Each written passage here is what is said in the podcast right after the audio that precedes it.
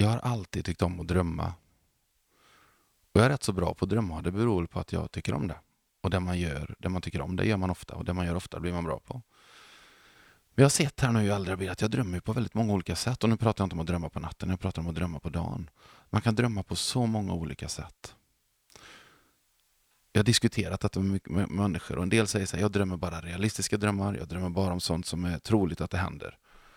Och i mina öron låter det lite mer som att planera, det har inte så mycket med att drömma att göra. Men jag tror att det är viktigt att dagdrömma ibland. Jag vet inte om du sett någon med hund någon gång, men ibland vi hundägare vi säger till vår hund hopp och lek. Det betyder att hunden får göra vad den vill. Latcha lite nu, ha kul. Och ibland behöver vi säga till fantasin, hopp och lek.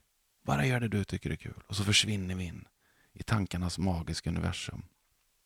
Ibland tror jag det är viktigt att tacksamhetsdrömma. Och liksom lite drömma om allt det där som man lever i. Att åh, de runt omkring mig mår bra. Jag har kämpat saker, jag har uppnått saker. Jag trodde inte det var möjligt, men nu har jag det. Det är också en fin typ av dröm, att leva i drömmen. Men att önskedrömma, det är ändå fantastiskt. Och Jag tror att vi måste låta drömmen få träna sina vingar lite. Och få ge sig ut och drömma om saker som kanske aldrig händer. Det gör inget, men det har en funktion. Vi måste låta fantasin och själen få röra på sig. Jag drömmer mycket när jag spelar gitarr. Det är precis som att allting flödar i huvudet. Så jag tänkte att nu ska jag spela lite gitarr för dig. Och så får du bara drömma dig bort lite.